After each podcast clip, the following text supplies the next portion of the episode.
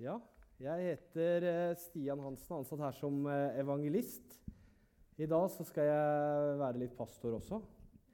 Men eh, da trenger jeg et bord, så hvis noen kunne ordna et bord til meg, så hadde det vært veldig fint. Notestativ, ja. Det er fint.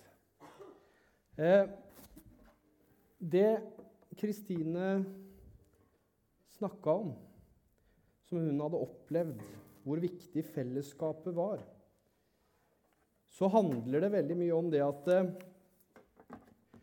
gode fellesskap, gode kristne fellesskap, skjer når vi kommer nær Jesus.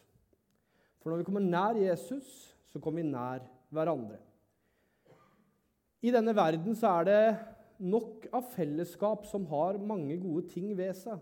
Foreninger, eh, organisasjoner som gjør veldig mye bra, men som ikke har den dimensjonen som vi har som en del av menigheten. Vi er en universell størrelse, ikke bundet av tid eller rom, fordi vi tilhører universets skaper. Opprinnelsen, den tanken som lå bak alt det vi ser, og det ordet som talte og ble alt det vi er, og alt det vi ser rundt oss.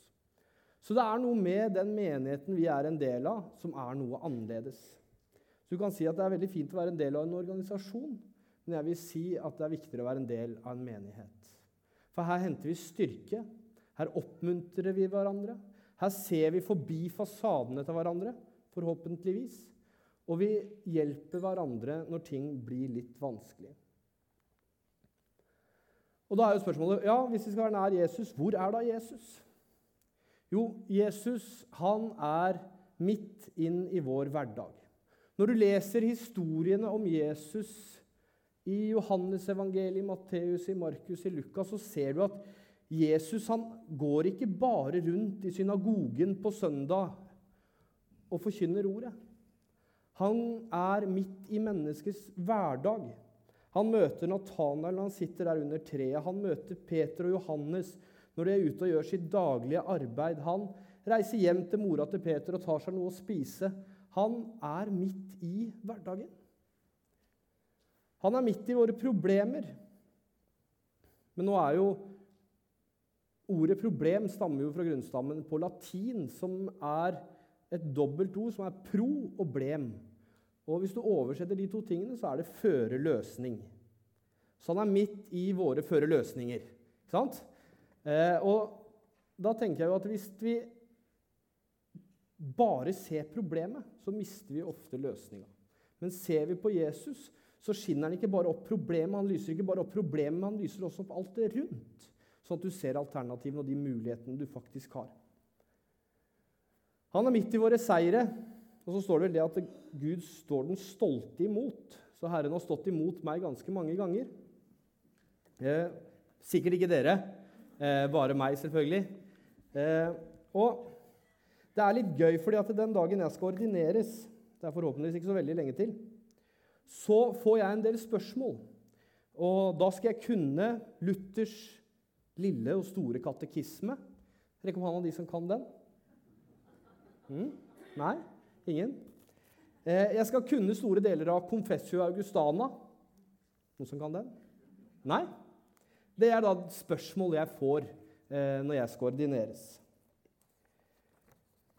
Men når Jesus skal ordinere Peter? Jesus har dødd, han har stått opp igjen, vært sammen med disiplene, kommer med Peter på stranda, så står det Da de var ferdig med måltidet, sier Jesus til Simon Peter.: Simon, sønn av Johannes, elsker du meg mer enn disse? Han svarte, Ja, Herre, du vet jeg har deg kjær. Jesus sier til ham, Fø lammene mine. Igjen for annen gang sier han, 'Simon, sønn av Johannes, elsker du meg? Ja, Herre, du vet jeg har deg kjær, svarte Peter. Jesus sier, Vei gjeter for sauene mine. Så for tredje gang så spør han, Simon, sønn av Johannes, har du meg kjær? Peter ble bedrøvet over at Jesus for tredje gang spurte om han hadde ham kjær, og han sa, Herre, du vet alt, du vet at jeg har deg kjær. Jesus sier til ham, Fø sauene mine. Den skulle jeg òg klart. Hakket bedre enn Confessa Augustana og eh, Luthers katekismer. Og det er på en måte det Jesus møter oss med. Han møter oss ikke med en, en stor bunke med spørsmål. Ok, Kan du komme med vandelsattesten din, og så kan du komme med CV-en din, og så kan du komme med Nei, Jesus kommer og spør elsker du meg. Elsker du meg? Du kan ha driti deg ut 100 000 ganger. Du kan gå på trynet hver eneste dag. Og Jesus møter deg hver eneste kveld, og så spør han elsker du meg. Ja, det gjør jeg av hele mitt hjerte. Og da skal du få lov å legge deg med god samvittighet. Ja, det er ikke så veldig vanskelig. Eh, og han er midt i våre fellesskap.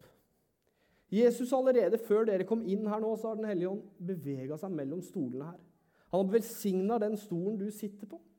Han har lyst til å åpenbare noe for deg gjennom det jeg sier, gjennom det lovsangen lyder, gjennom de menneskene som sitter rundt deg, så ønsker Den hellige ånd å åpenbare noe for deg. Han har en tanke med akkurat at du skulle sitte der akkurat der du sitter. Fordi han ønsker at du skal sitte ved siden av det mennesket du sitter ved siden av. Og hva er grunnen til det?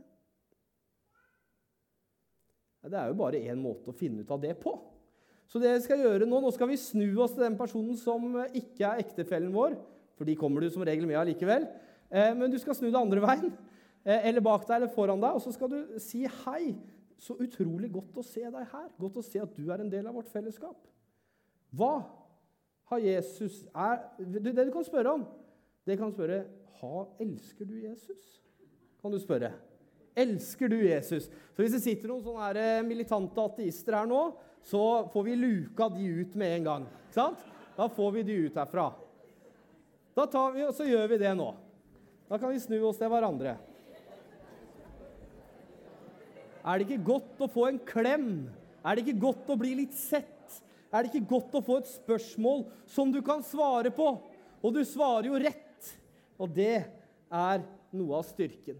Så han er midt i våre fellesskap, midt i våre familier og midt i vår menighet.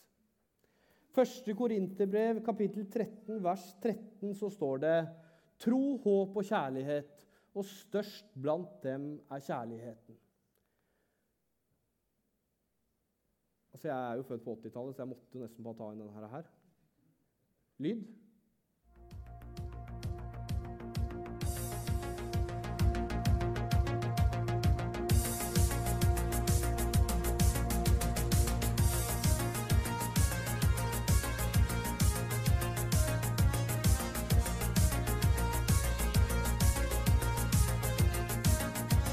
Jeg vet ikke hvor mange av dere som har sett Airwolf. Eh, jeg var stor fan av Airwolf på min tid. Det var dritkult altså, på begynnelsen av 90-tallet. I promise you. Eh, mange av dere var ikke født engang. Eh, men det er ofte vår forståelse av hvem Gud er. Og hvor ofte har vi ikke vært i problemer? Ting har møtt oss som vi ikke helt har klart å takle kjæresten har gjort det slutt, eller du har fått en eller annen sykdom som du sliter med. Og så ber vi, kjære Gud, ta oss bort fra denne situasjonen. Og så tenker vi da at Gud kommer inn som et helikopter. Du står der alene på en stein med masse vann rundt, og han bare trekker deg ut av situasjonen og setter deg på fast land. Og det er bare halleluja, Herren er god. Og Det handler om at Gud er jo kjærlighet. Gud er det evige logos. Gud har en kjærlighet som er fullkommen. og I den greske grunnteksten så står det agapekjærligheten. Det er gudskjærligheten. Det er den kjærligheten som ikke er betinget av noen ting. En ubetinget kjærlighet. Eh, og det er veldig vanskelig for oss å kjenne på hva den kjærligheten egentlig er. Jeg tror dere som er foreldre her, har kjent litt på den kjærligheten når dere har fått barna deres. For uansett om min sønn som gang på gang gjør som jeg, absolutt ikke som jeg sier, og kaster ting på gulvet og spagetti 'Pappa, får jeg lov?' Nei, det får du ikke. Ikke sant? Eh, så sier jeg ikke til Johannes, 'Vet du hva? Drittunge! Nå bytter du adresse, og så flytter du ut!' Nei, jeg gjør ikke det. Av og til. Av og til. Så hadde det vært fint å ha et telt som jeg kunne satt den ut i. Men, eh, men jeg elsker ham på tross av eh, de tingene han gjør. Eh, og det er på en måte denne ubetinga kjærligheten som Gud møter oss med. Og gjennom denne kjærligheten så blir vi forandra. Det, altså, det setter et spor i oss, den møtet med denne kjærligheten. Hvis ikke det gjør det, så har du ikke møtt den. Det er ganske enkelt. Det er ganske enkel matematikk og logikk. Fordi den setter en, et spor i deg, den gir deg en erfaring av at du er en del av noe ufattelig mye større. Jeg husker den dagen hvor jeg møtte denne kraften og denne kjærligheten for første gang. Eh, og Det var 28. oktober i 2008. Eh, og når jeg der, sto der og, og kjente Guds herlighet strømme gjennom meg, så forandra det livet mitt fullstendig. Det satte livet mitt opp ned og på hodet. Og jeg har aldri vært den samme siden. Det er hva det møtet med den kjærligheten gjør med oss. Er det noen her som har møtt den kjærligheten? Amen. Og så skal vi dra den kjærligheten, og så skal vi møte andre mennesker med den type kjærlighet. Og der er vi ikke like gode. Vi får bare stikke fingeren i jorda og så må vi si at ok, det er mye vi får til. Eh, men ikke alt hele tiden. I 1. Johannes brev, eh, kapittel 4, vers 7, står det Mine kjære, la oss elske hverandre, for kjærligheten er fra Gud, og hver den som elsker, er født av Gud og kjenner Gud. Den som ikke elsker, har aldri kjent Gud, for Gud er kjærlighet. Og ved dette ble Guds kjærlighet åpenbart blant oss. At Gud sendte sin sønn til verden for at vi skulle leve ved ham. Ja, dette er kjærligheten. Ikke at vi har elsket Gud, men at Gud har elsket oss og sendt sin sønn til soning for våre synder. Det er en fantastisk kjærlighetserklæring til hver enkelt en av oss som sitter her. Eh, og gjennom denne kjærligheten så får vi et håp. I møte med denne kjærligheten så får vi et håp om at Bibelen er sann. Denne boka, den er sann. Det er sannhet i denne boka. Det er ikke bare en eventyrfortelling. Det er ikke bare noe vi kan forkaste. Og selv om vi har et naturvitenskapelig verdensbilde fordi vi lever i den vestlige verden. Så Andreas kommer utover høsten til å undervise litt om dette. Men så er det logisk å tro. Det er fornuftig å tro. Det er fornuftig å tro at Bibelen er sann. Fordi vi ser at vi er her. De løftene som Jesus har gitt oss, som denne Bibelen gir oss, som han har gitt oss, de er sanne, de står fast. Og det fellesskapet som han leder oss inn i, det er et fellesskap etter hans hjerte.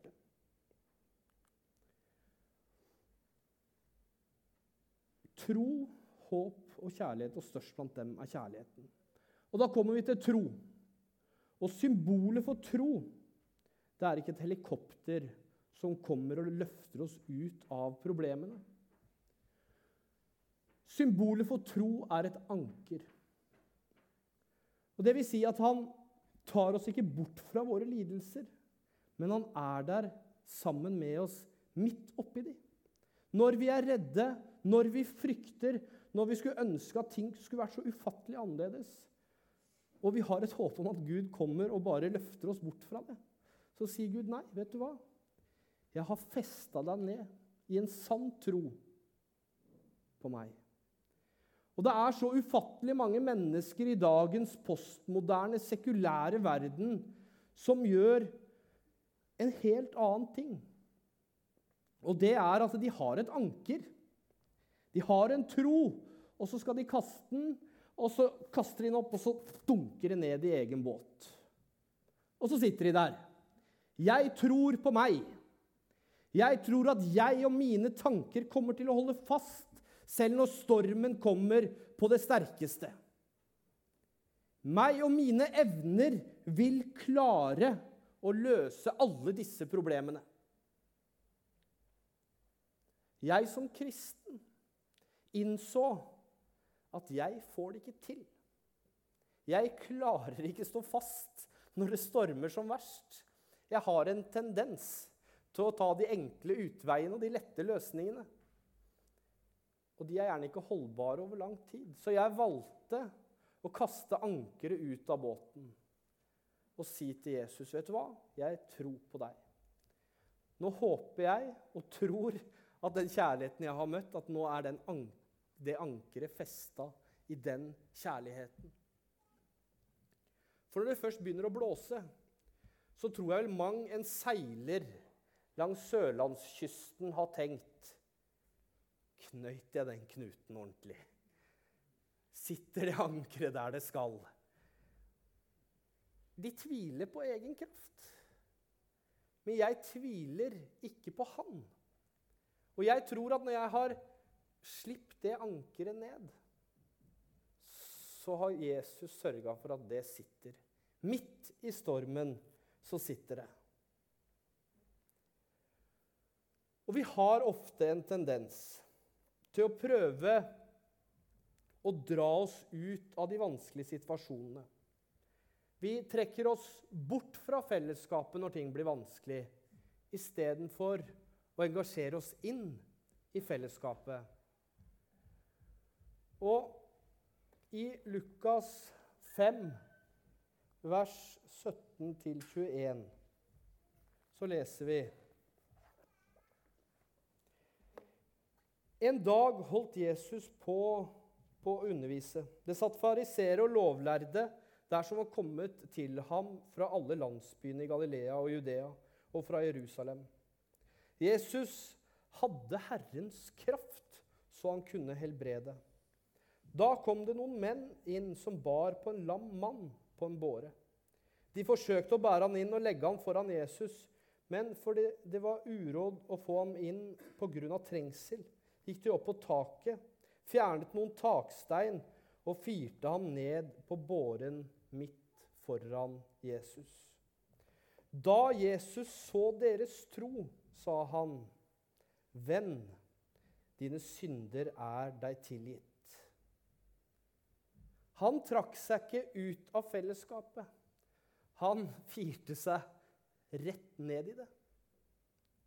Og han ble helbredet. I møte med Jesus så møtte han, møtte han sin helbredelse. Og det er så ofte vi trekker oss unna. Jeg har driti meg ut. Nå har jeg Ja, jeg har jo masse tanker som ikke dere har, så jeg skal ikke la de komme fram. Men det er mange ting man kan eh, drite seg ut på. Eh, og man skammer seg. Man har ikke lyst til å se andre mennesker i øynene. Man har ikke lyst til at andre mennesker skal gjennomskue deg. For du vet at kommer jeg på gudstjeneste, så er det et lys der som ofte skinner igjennom det mørket som vi bærer på. Og vi blir sett. Vi blir spurt. Hva er det som foregår? Hvordan har du det? Og du har jo ikke lyst til å ljuge heller, så da tar du den lette løsningen, og så holder du deg unna. Men jeg vil gjerne si at det viktigste vi gjør i de situasjonene, når vi er redde for å bli gjennomskua, det er å komme og være en del av menigheten. Sånn at vi kan få lov å ivareta det. At vi kan få lov å si alle disse tingene som Guds løfter har sagt over oss. At du skal få lov å slippe å ha anker i egen båt fordi at du har festa det ned på vår Herre Jesus Kristus.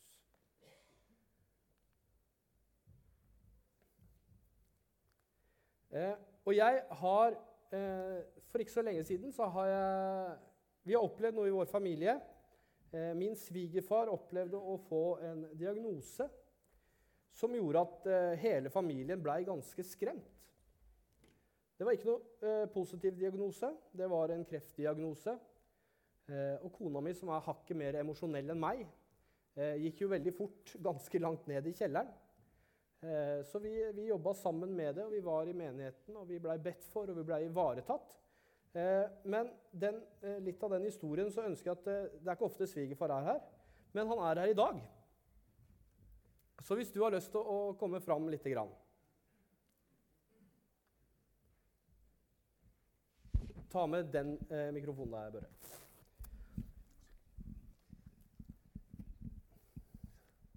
Dette er da min kjekke svigerfar. Eh, Takk. han har vært eh, lovsangsleder i 30 år. Ja, jeg skryter ikke for mye da. Nei, jeg vet ikke om det er å skryte av det, men det, Nei, ja, men jeg har det- vært i hvert fall. Ja. Eh, men du opplevde noe veldig vanskelig her for ikke så mange måneder siden. Kan ikke du fortelle litt om det? Jo, jeg kan fortelle litt om det. Jeg heter Børre Eriksen. Som sagt svigerfar til en flott kar her. Stolt av Han ham. fikk betalt i stad. Det er som Stian sa, det er noen ganger i livet som, som det, det er ikke så kult. Eh, mange har opplevd dette her, så jeg er ikke ensom om det. Men eh, 23. mai var en spesiell dag for meg. Da dro jeg inn til Ullevål og skulle forhåpentligvis avkrefte noe som de hadde funnet på øyet. Eh, og det tar sin tid. Eh, altså etter to timer når jeg flyr hit og dit i forhold til leger, og sånn, og så begynner jeg jo å skjønne at det her er Det kan da ikke være helt bra, dette her. Jeg ligger rett ut eh, på en seng, og så står det to spesialister over med sånn ultralydgreie. Helt sånn spesielle greie. De er flinke der inne. Og så peker de på en skjerm, og så måler de litt, og så snakker de om den. Og da sier jeg at eh, nå er nok jeg i det moduset at jeg trenger å vite hva den greia der er for noe. Og får da bekrefta at eh, det er en svulst du har på øyet. Ok, da kan du jo gå litt i kjelleren, men allikevel, da kommer det som, som Stian har snakka om inn her. Den praksisen, altså Hvordan, hvordan uh, gjør man det? Det er ikke noe å skryte av i det hele tatt. Det er bare et eller annet du kan stå på. Det står Tett til meg fins et sted. Still deg der på klippen. Det gjorde jeg. Så kjente jeg at det var en klippe som, som bar. Så, så var det jo undersøkelse, og begynte ting å gå ganske fort. Jeg skulle inn på undersøkelser. Jeg lå bl.a. i MR-trommel i halvannen time. Eh, jeg er veldig glad for at de fant at det var noe inni der, men altså det, det, det er hva de fant, som jeg var litt spent på. Eh, som kameraten min sier, så, så sier han at det er bedre med vakuum i huet enn ingenting. Så men det var jo den her spredningsfaren som, som lå litt der. Men så var det igjen det at jeg kunne stå på klippen. Altså Jeg sa det, Gud, nå må, nå må jeg opp på ditt fang. Dette takla ikke jeg meg sjøl. Kona mi krøp også opp på pappas fang. Vi hadde fellesskapet, vi hadde menigheten, vi hadde hverandre. Vi ba for hverandre. Jeg tror styrken eh, min og vår var at vi var åpne. Vi lukket oss ikke inn. Vi sa at nå er det tøft. Og vi stressa ikke med helbredelse. Jeg er helbreda i dag. Men det er takket være leger som er utrolig dyktige, som var inne og gjorde det. Og jeg er glad for det. Men det jeg sa, jeg må sitte på ditt fang. Jeg må stå på klippen. Og så kjente jeg Det var ikke et ynkelig tau som jeg lurte på når ne, altså, Kan du tenke deg at du, du henger utfor Er det noen som har vært på Preikestolen? Eh, ikke sant? Se, se for at du henger utafor Preikestolen i et tynt tau som du lurer på når sliter den dritten. Og du, og du, og du henger i egen kraft. Det, det er et ynkelig håp. Men å stå oppå klippen, det holder. Og det kjente jeg. Gud kom inn, og så holdt den. Og det var en veldig god opplevelse. Så vi har fått lov til å sitte på, på pappas fang. og som, eh, det, det, var som sagt den spredningsfaren som var litt, litt uh, knontete for meg å forholde meg til. Vi har en million føflekker, og så sier legen at det er en føflekkreft på øyet ditt. At jeg, aha, det er jo klart, det var uka etterpå.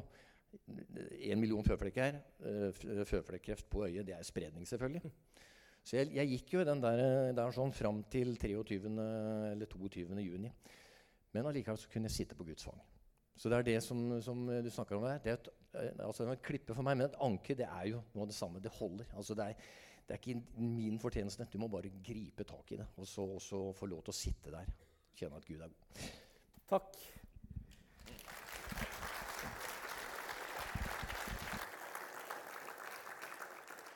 Og jeg tror jo også at mange av oss har sånne fortellinger. At Gud griper inn. Det håpet og den troen vi har, den står fast. Og det skal gi oss en frimodighet til å møte andre mennesker med et budskap om at han lever. Han ønsker noe med vårt liv og alle menneskers liv. Nå lover jeg meg selv at jeg skulle ikke bli evangelist i dag, så da stopper vi litt der. Eh, vi i Hånes frikirke har en visjon, og det er å hver dag se mennesker forandret av Gud, vår fars kjærlighet. Vi vil være et generasjonsfellesskap som gjør mennesker til Jesu etterfølgere. Vi vil leve nær Jesus, nær hverandre i menigheten og tett på samfunnet rundt oss. Det er jo det det handler om. Det er hva vi er. Det er vårt DNA. Og vi prøver å ivareta alle generasjoner fra nyfødt til 107 år. Så er du 108, da må du finne en annen menighet. Eh, jeg synes at Denne her må bare innarbeides. Det må bare fortsette å bli en del av vår forståelse av hva denne menigheten er. Og til slutt vil jeg vise en video av hvordan vi mennesker til tider ikke klarer noe, men at vi har en far som kan klare alt. Å ja, der hadde jeg enda en, ja. Den hadde jeg glemt. Den tar vi neste gang.